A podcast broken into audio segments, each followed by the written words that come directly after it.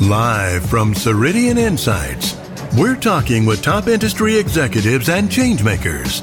Be inspired, connect, and learn. Here are your hosts, Mark Feffer and William Tincup. Okay, here we go. Another Ceridian executive. Another. A lot of brains. We're going. We're going. We're going strong here.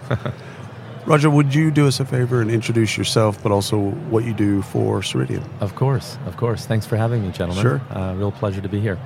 Um, yeah, Raja Nucho. I'm uh, uh, Senior Vice President and Head of Partnerships uh, here at Ceridian, uh, and that encompasses our system integrator partners, our software partners, and what we what we call broadly our influence partners.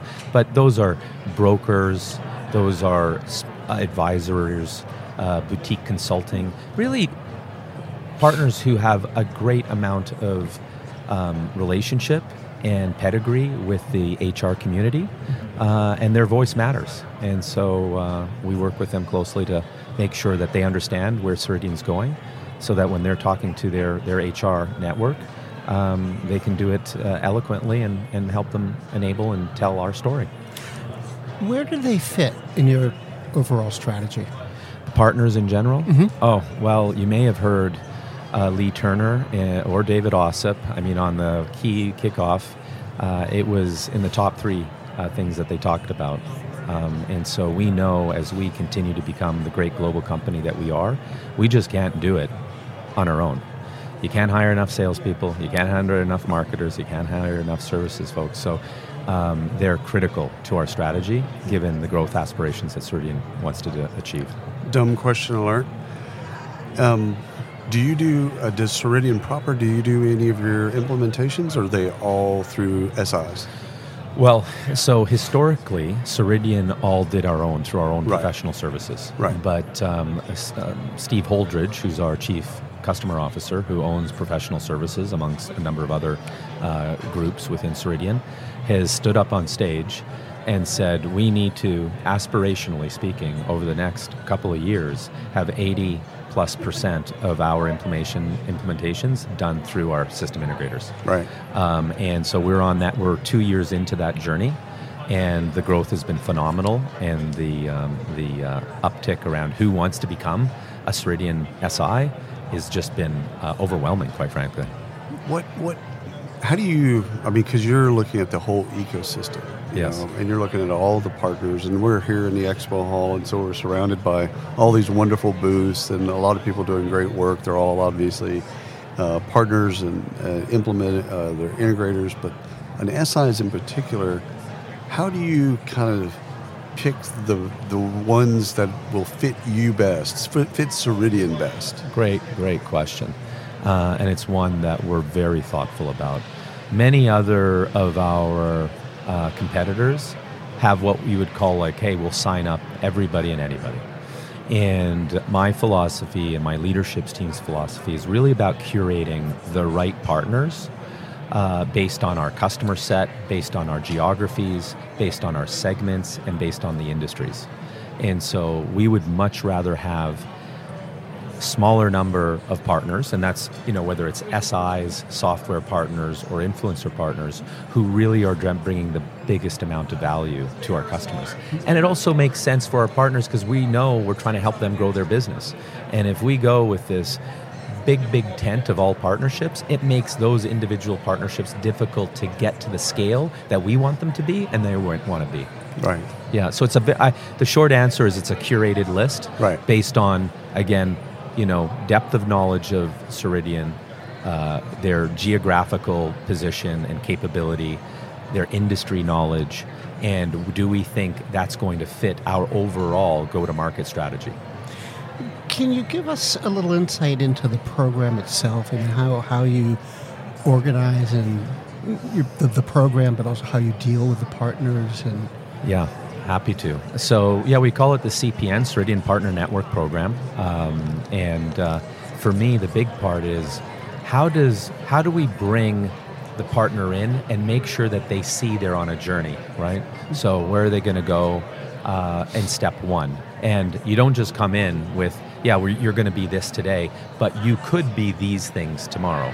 So you come in as a core partner. That's always how you come into our door. Mm-hmm. And what we do for that is ensure that you've gotten for free the baseline understanding of who Ceridian is, what's our market position, what's our product roadmap, because we look at every partner, frankly, as a brand ambassador. Then once you're in the door, you then, okay, what is your specialty? Are you going to be a system integrator? Are you going to be an advisor? Are you going to be a software partner? And then we bring them down that journey with the proper amount of enablement and then engagement with our sales and services and marketing teams. Because it isn't just about managing the partner, but how do we integrate them into all of the teams that are going to make them successful? And my organization is just the start. So I want to ask you uh, a question of you hear people talk about marketplaces and kind of ecosystems. What's your kind of what's your general take on kind of those those concepts? Yeah, I, I think um, from a from a marketplace, I think of it as our partners can contribute to a bunch of products or services that give the maximum amount of choice uh, without compromising quality Right. to our customers. Uh, an ecosystem for me is have we curated the right collection of partners to deliver the best possible outcome for our customers? Right. I actually also call it the network effect, hmm. meaning instead of leading only with an SI, well, you know what? The customer has a bunch of needs. So a software partner brings a set of outcomes, an SI does, as well as one of our advisory. And what we've seen with all of our, from a front end sales cycle, the conversion rate is much higher because now the customer is getting a holistic story. Or the outcome is better because you actually had a number of partners who complement each other in service of the customer deliver again an aligned outcome. So this network effect, which is instead of having a very siloed, and it's sort of back to your question, instead of developing, oh, we've got this SI ecosystem, we've got this Right. influence eco, how are we cross pollinating them and getting them to talk and work with our sales or with our customers to deliver a very complementary story? Hmm. So there's obviously a lot of partners here, and you're here, so you're probably talking to a lot of partners this week. What are they saying? What are you hearing? Well, they're saying that, you know, wow, is it a new day at Ceridian with partners? Um, like I mentioned, I came here just over two years ago, uh, given the mandate by Leagh Turner and David Ossip that we're, we're moving strategically, uh, and our go to market requires us to have a much more coherent partner strategy, uh, and we need to invest in them.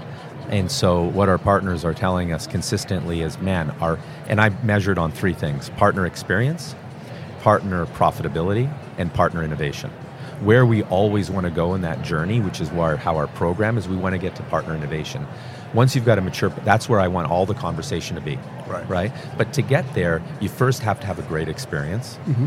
and then you have to make sure that through that experience, are we actually making a good business together? And those two rocks lay the foundation. So when I go around and I ask the question, I'm like, so how do you think we're doing with partner experience? You know, we're getting ourselves an A grade. Do we have work to do? Absolutely. How do you think we're doing on profitability? Well, we're at a mature state, but we see the glide path to a very successful business. And now, with Joe Korngiebel and his belief as our chief product and technology officer, he understands that we need to open the box because we can never innovate and build what our customers and what the market needs fast enough without our partners innovating on top of our platform. So the two questions. One is about quality and ensuring because you're curating, so that's the front end, which is great. But how do you kind of audit or make sure in any of your relationships? How do you make sure that they stay on track? Yeah, we have a very thoughtful enablement strategy. Um, and uh, again, part of the journey of our program is you come in and we have what we call our Influence Academy. And then after you've gone through the Influence Academy, who every partner needs to go through, which is saying, what is the Ceridian story? How does it fit your, your objectives? Mm-hmm. And then, depending if you're an SI, you go into our Delivery Academy. How are we training you to deliver the best, highest quality Dayforce project? Oh, you want to be a co sell resell partner? You're going to go through our Sales and Solution Academy. Oh, you want to build and innovate on top of our platform? You go through our Innovation Academy. And within each one of those academies, you're certified. And that's not only a control check for us to make Right. sure that the quality is there, but frankly, it's for our partners to stand tall and it becomes part of their CV. You know, like I am a certified innovator for Dayforce. I am a certified implementer for Dayforce. And that is has a high amount of value to partnerships and individuals. Do they recertify? Do yeah, you, we do. do. You process we, we, we, do. Are you um, thinking about? We're, it? Yeah, we're we're early, and so we're in step one of making sure that our certifications. But what's the right amount of time? Right. As you can appreciate, we're sensitive to taking partners off 100%. or putting them on for an hour, let alone you know a three day. Right. To you know, do we really think you still know what you're talking about? You know, you got to trust your partners. 100%. But there's something to be said about if our product is being innovative and changing, we need to make sure that they're keeping up with it. Well, someone told us, uh, Mark and I earlier, there's 800 plus features that were that were that were that were added in this last year. I'm like, how how do you keep up with. I can't keep up with 800 anything. Exactly, exactly, and that is a, you know a good problem to have. Right, innovation is great. Uh, but we need to make sure, just like our solution advisors and our account executives and our value advisors know it, we need to make sure our partners have that same information. How do you see the program evolving? Great question. Um, I'm always thinking about what does that the next three, five years look for our partners. Um, and I think it's highly predicated on how our our story uh, is going to evolve. You may have heard some of the amazing announcement with our ideal marketplace. It's a game changer, right? We're moving into a model where it's B2B now plus B2C. Mm-hmm. Um, and so how does that impact our partners? And so when we look at our we look at our partner and our partner program, we need to make sure that we're helping them clear on where they're going and so I think it's it's driven in short by our go-to-market strategy and our product strategy. The ecosystem idea, the partners, partnership idea, is obviously very common, you know, among HCM technology companies. How important is it to the industry? It's massively important. Um, the truth is, you know, what uh, enterprise application vendors like ourselves do really well is we produce product that meets the market's need and fit. What we are we can't keep up with is what are the business outcomes that the industries have. And these partners are much further ahead than any software company in terms of what the customer needs because that's their job. They're there day in, day out. You know, we, we read the reports on where the markets are going and how should we, but it's through customer advisory groups, partner advisory groups. That's really where the magic gets aligned to the data. And so without those partnerships, we're not going to be able to keep up with what the market needs.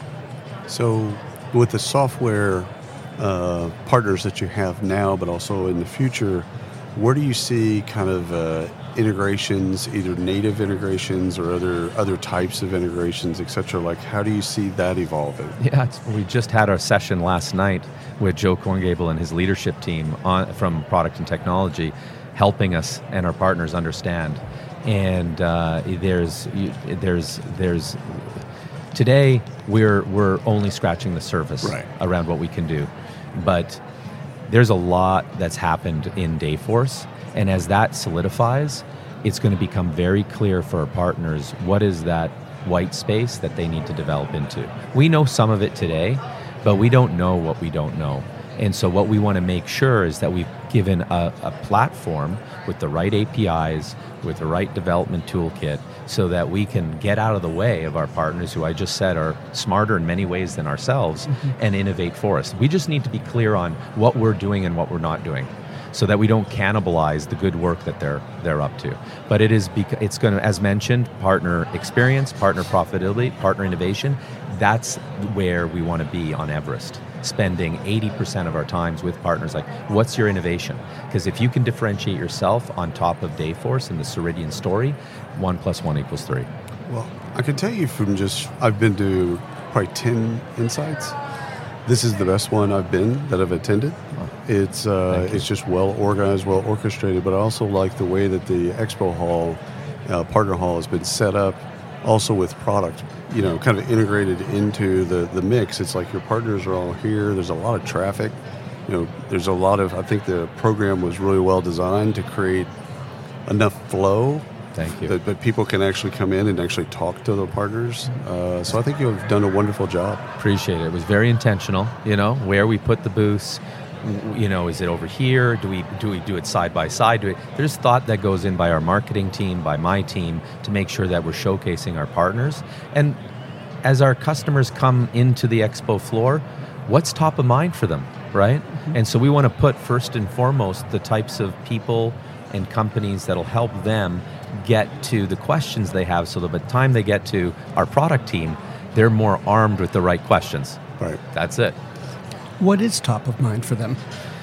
Well, you know, first and foremost, am I am I do I believe that Ceridian is going somewhere? You know, if I Yep. hitch my wagon to you, uh, these are you know partners. uh, You know, of course they're big companies, but at the end of the day, they're small business owners. You know, who look at their business and go, "I'm placing bets," right. and I could do you know, I could spread it or I could double down. Uh, you know, we're here in Vegas, so there's a bit of an analogy there. I'm sure. uh, I'm not smart enough to come up with it, but it's there. Um, and they they want to know that hey, are you are you serious about what you, is your words matching your execution? And um, and then that's number one. And then number two is okay, how easy are you to do business with? And that that that's defined in many ways, which is why I always lead with partner experience. We're not the biggest company out there, but we most certainly play with the biggest companies. And it all starts with experience. It's not perfect, but they need to know they're dealing with a kind organization, an empathetic organization who gives you a lot of goodwill so that when the speed bumps hit, no one's looking at like, you know, you, you were you were being intentional about making this difficult for us. Um, and you may have heard, I'm sure, in the our way values, customer focus, shared ambition, all of those. That back to your first question, that actually is part of our criteria in the curation of partners. We'll actually talk. This is our company values. Do any one of these values are you? And uh, let me explain what we mean by each value. Is there? Do you understand it? Do you believe in it? Because if we don't align on values first, how can we do good business together? You know, I think that's been the issue in our economy in general. We've we've kind of sometimes lose our way between values and doing business, and we need to continue to be intentional about bringing those together. This has been wonderful. Yeah. We could talk to him for another hour, but I'm sure you've got uh, nine places to be at once. So really appreciate the time. Thank, you so much for your time. Thank you for listening. Find out more at www.ceridian.com forward slash insights.